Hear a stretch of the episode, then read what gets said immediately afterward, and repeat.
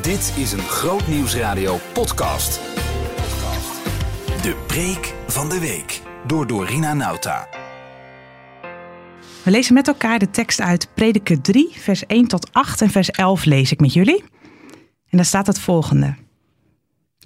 Voor alles wat gebeurt is er een uur. Een tijd voor alles wat er is onder de hemel. Er is een tijd om te baren en er is een tijd om te sterven. Een tijd om te planten en een tijd om te rooien. Er is een tijd om te doden en een tijd om te helen. Een tijd om af te breken en een tijd om op te bouwen. Er is een tijd om te huilen en een tijd om te lachen. Een tijd om te rouwen en een tijd om te dansen. Er is een tijd om te ontvlammen en een tijd om te verkillen. Een tijd om te omhelzen en een tijd om af te weren. Er is een tijd om te zoeken en een tijd om te verliezen. Een tijd om te bewaren en een tijd om weg te gooien. Er is een tijd om te scheuren en er is een tijd om te herstellen. Een tijd om te zwijgen en een tijd om te spreken. Er is een tijd om lief te hebben en een tijd om te haten. Er is een tijd voor oorlog en er is een tijd voor vrede. God heeft alles wat er is de juiste plaats in de tijd gegeven. En ook heeft Hij de mens inzicht in de tijd gegeven. Toch kan de mens het werk van God niet van begin tot eind doorgronden. Tot zover. Wanneer weet je nu of iets het juiste moment is? Juiste moment om iets te vertellen wat je als een tijd kwijt moet? Wat is het goede moment om een huis te kopen? Of het roer van je leven om te gooien? Of om voor jezelf te beginnen? Of iedere maand die timing hopend op overtijd? De tijd. We hebben er allemaal mee te maken. Voor de een vliegt hij voorbij en voelt het leven als een race tegen de klok. Voor de ander is het leven voortdurend wachten. En het liefst zou je de tijd wat vooruitspoelen, naar een volgende levensfase. Of terug in de tijd toen het nog goed ging, toen jullie nog gewoon verliefd waren. Terug naar die onbezorgde tijd toen je vader nog leefde. In wat voor tijd leven we eigenlijk? En wat is kenmerkend voor juist de tijd waarin we ons bevinden? Kortom, er zijn genoeg vragen om onszelf te stellen over de tijd. Hoe je die beleeft en wat je ermee zou willen. Nu hebben we een stuk gelezen uit Prediker. En Prediker is wijsheidsliteratuur. Hij stelt kritische vragen over het leven. Het is een boek van doorvragen, van vragen stellen bij het leven. Net zo lang, ja, de schrijver van Prediker stelt net zo lang vragen totdat het pijn doet. Hij zoekt de grenzen van ons bestaan op. Wat geeft er echt betekenis aan het leven? En de schrijver heeft op allerlei manieren gezocht naar hoe hij betekenis kon geven. Hij is gaan genieten, op zoek gegaan naar plezier. Hij is gaan vechten voor recht en vrede. Een geweldige carrière nagestreefd. Zich verdronken in de liefde. Hij heeft alles gedaan wat je maar kunt verzinnen. En dan komt hij tot een toch wel wat pessimistische conclusie. Het is allemaal najagen van wind. En veel van de vragen die prediker stelt zijn herkenbaar voor ons en voor onze tijd. Misschien heb je zelf iets onrustigs in je en heb je vragen over het leven. Dan kan ik je dit boek van harte aanraden, want het is zo vreselijk herkenbaar. En dan even over de tijd, want we proberen grip te hebben op onze eigen tijd. Door time management, goed georganiseerde agenda's. En we wisselen tips uit over hoe we onze tijd zo efficiënt mogelijk kunnen gebruiken. Maak van to-do-listen, agenda's, opbergsystemen, apps met allerlei vinkjes die we kunnen zetten over hoe we zo effectief mogelijk met onze tijd omgaan. Het is de tijdgeest waarin we leven. En waarin je misschien wel met regelmaat een race tegen de klok doet. En je horloge je uiteindelijk meer opjaagt dan dat het je rust geeft. Je hebt te weinig tijd, je hebt het te druk en het moet allemaal nu gebeuren. Morgen liggen er weer allerlei klussen op je te wachten. En als je niet uitkijkt, wordt die lijst met dingen die je moet doen gedurende de dag alleen maar langer. Nog even dit. Want als je dan dat gedaan hebt, dan pas kun je rustig zitten. En aan het einde van je dag concludeer je dan weer dat er geen rustmoment is geweest. Dat je van de ene naar de andere taak gerend bent. Want er waren zoveel dingen die moesten gebeuren. Hoe kun je een Maria zijn in een Martha-wereld? In een wereld waar alles altijd maar door lijkt te gaan. Waarin we niet weten hoe je moet stilstaan. Waarin de klok even laten tikken al lastig is. De stilte horen, de tijd voelen verstrijken. Het is niet voor niets dat juist nu kloosters volgeboekt zijn en dat we hunkeren naar retraites.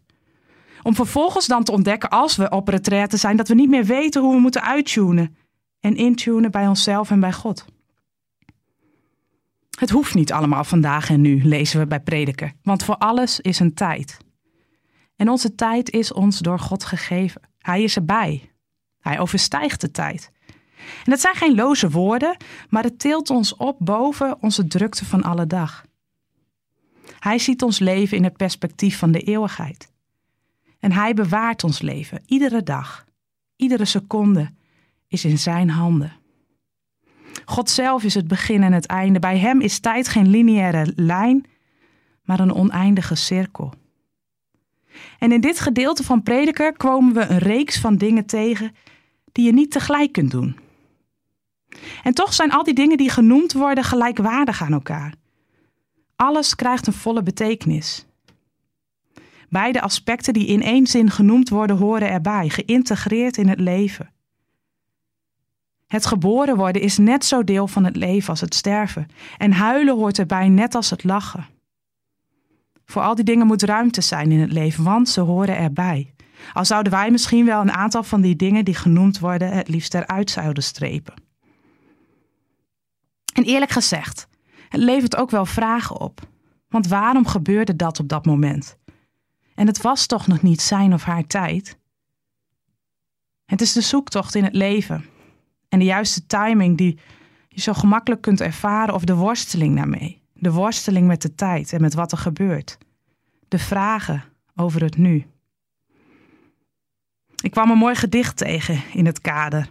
En ik wil die met jullie delen. Leef de vragen nu, heet het. Heb geduld met de onopgeloste zaken in je hart en probeer de vragen zelf te koesteren. Alsof ze afgesloten kamers waren of boeken geschreven in een vreemde taal. Zoek niet naar antwoorden die je nu niet gegeven zouden kunnen worden, omdat je ze niet zou kunnen leven. Want het komt erop aan alles te leven. Leef de vragen nu.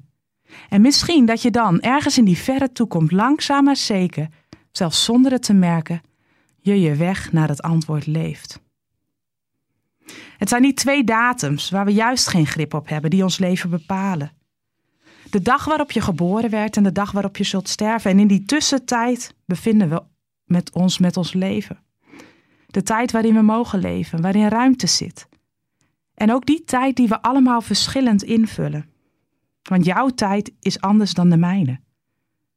Ons leven, die tussentijd tussen de dag waarop we geboren worden en de dag waarop we zullen sterven, dat is de tijd van ons leven.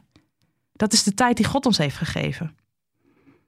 En al voor de tijd bestond, heeft Hij ons leven bedacht. Heeft Hij jouw bestaan betekenis gegeven. Uitgekeken naar de dag waarop je geboren zou worden. Uitgekeken naar dat leven wat je met Hem vorm mag geven. In ontspannenheid, in de tijd. Want Hij is erbij in al die aspecten van het leven. Al die dingen die prediker noemt. Hij kent ze. Hij is erbij. Dan gebruikt de Bijbel twee Griekse woorden voor tijd: chronos en kairos. En chronos kan vertaald worden met de meetbare tijd, de seconden, de minuten. Dat wat je ziet als je op je klok kijkt, op je horloge kijkt. En dat waar wij als Westelingen zo precies mee zijn, zo druk mee zijn misschien wel. Want we moeten toch wel op tijd zijn, want onze tijd is zo kostbaar. En dan het andere woord, kairos. Dat wordt vertaald als het geschikte moment. Of de kwalitatieve tijd. En in onze maatschappij wordt het gedomineerd door chronos, dat eerste begrip wat ik noemde. Onze agendas zijn volgepland, we moeten haasten om dingen voor elkaar te krijgen. En zelfs als we vakantie hebben, willen we onze uren en minuten liefst nog zo goed mogelijk besteden. Maar soms is er dan ineens een ogenblik van goddelijke timing, van een juist moment.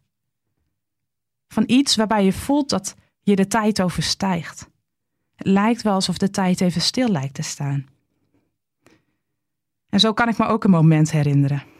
Een moment die ik waarschijnlijk mijn leven niet meer zal vergeten. Het was diezelfde tekst uit Prediker die ik las bij het sterfbed van mijn tante. Ze vertelde me over al die laatste keren. Want ze wist dat het einde naderde en ze voelde dat haar lijf het op begon te geven. De laatste momenten met haar kinderen. De laatste nachten samen in een bed slapen met haar man. De laatste wandelingen maken ze zei leven heel bewust gedag. En in diezelfde tijd was ik druk bezig met het voorbereiden van onze grote dag. Want over een paar weken zouden wij gaan trouwen. Ochtends had ik mijn trouwjurk nog gepast en ik liet haar de foto's zien. Ze zou er toch niet bij zijn. Voor alles is een tijd, vertelt ze me aan datzelfde sterfbed. Samen lezen we die tekst uit prediken. Er is een tijd om te sterven en er is een tijd om te trouwen, voegen we toe aan de teksten. Het hoort allemaal bij het leven en het is van alle tijden. En dan zegt ze iets tegen mij wat ik waarschijnlijk nooit zal vergeten. Dit zijn dagen met een gouden randje. Ik hoor het er nog zeggen. Dit zijn momenten om de tijd even stil te staan en het goud tot je door te laten dringen. En dat zijn niet altijd de dagen waarop je het zou verwachten. Dagen waarop ze veel pijn heeft, waarin ze het leven moet loslaten. Juist op dat moment kon ze genieten. Dit zijn dagen met een gouden randje. Voor alles is een tijd. En voor vandaag, voor jou, of je nu rent of vliegt of de tijd hebt om stil te staan, Hij is erbij. Amen. Behoefte aan meer? Grootnieuwsradio.nl slash podcast.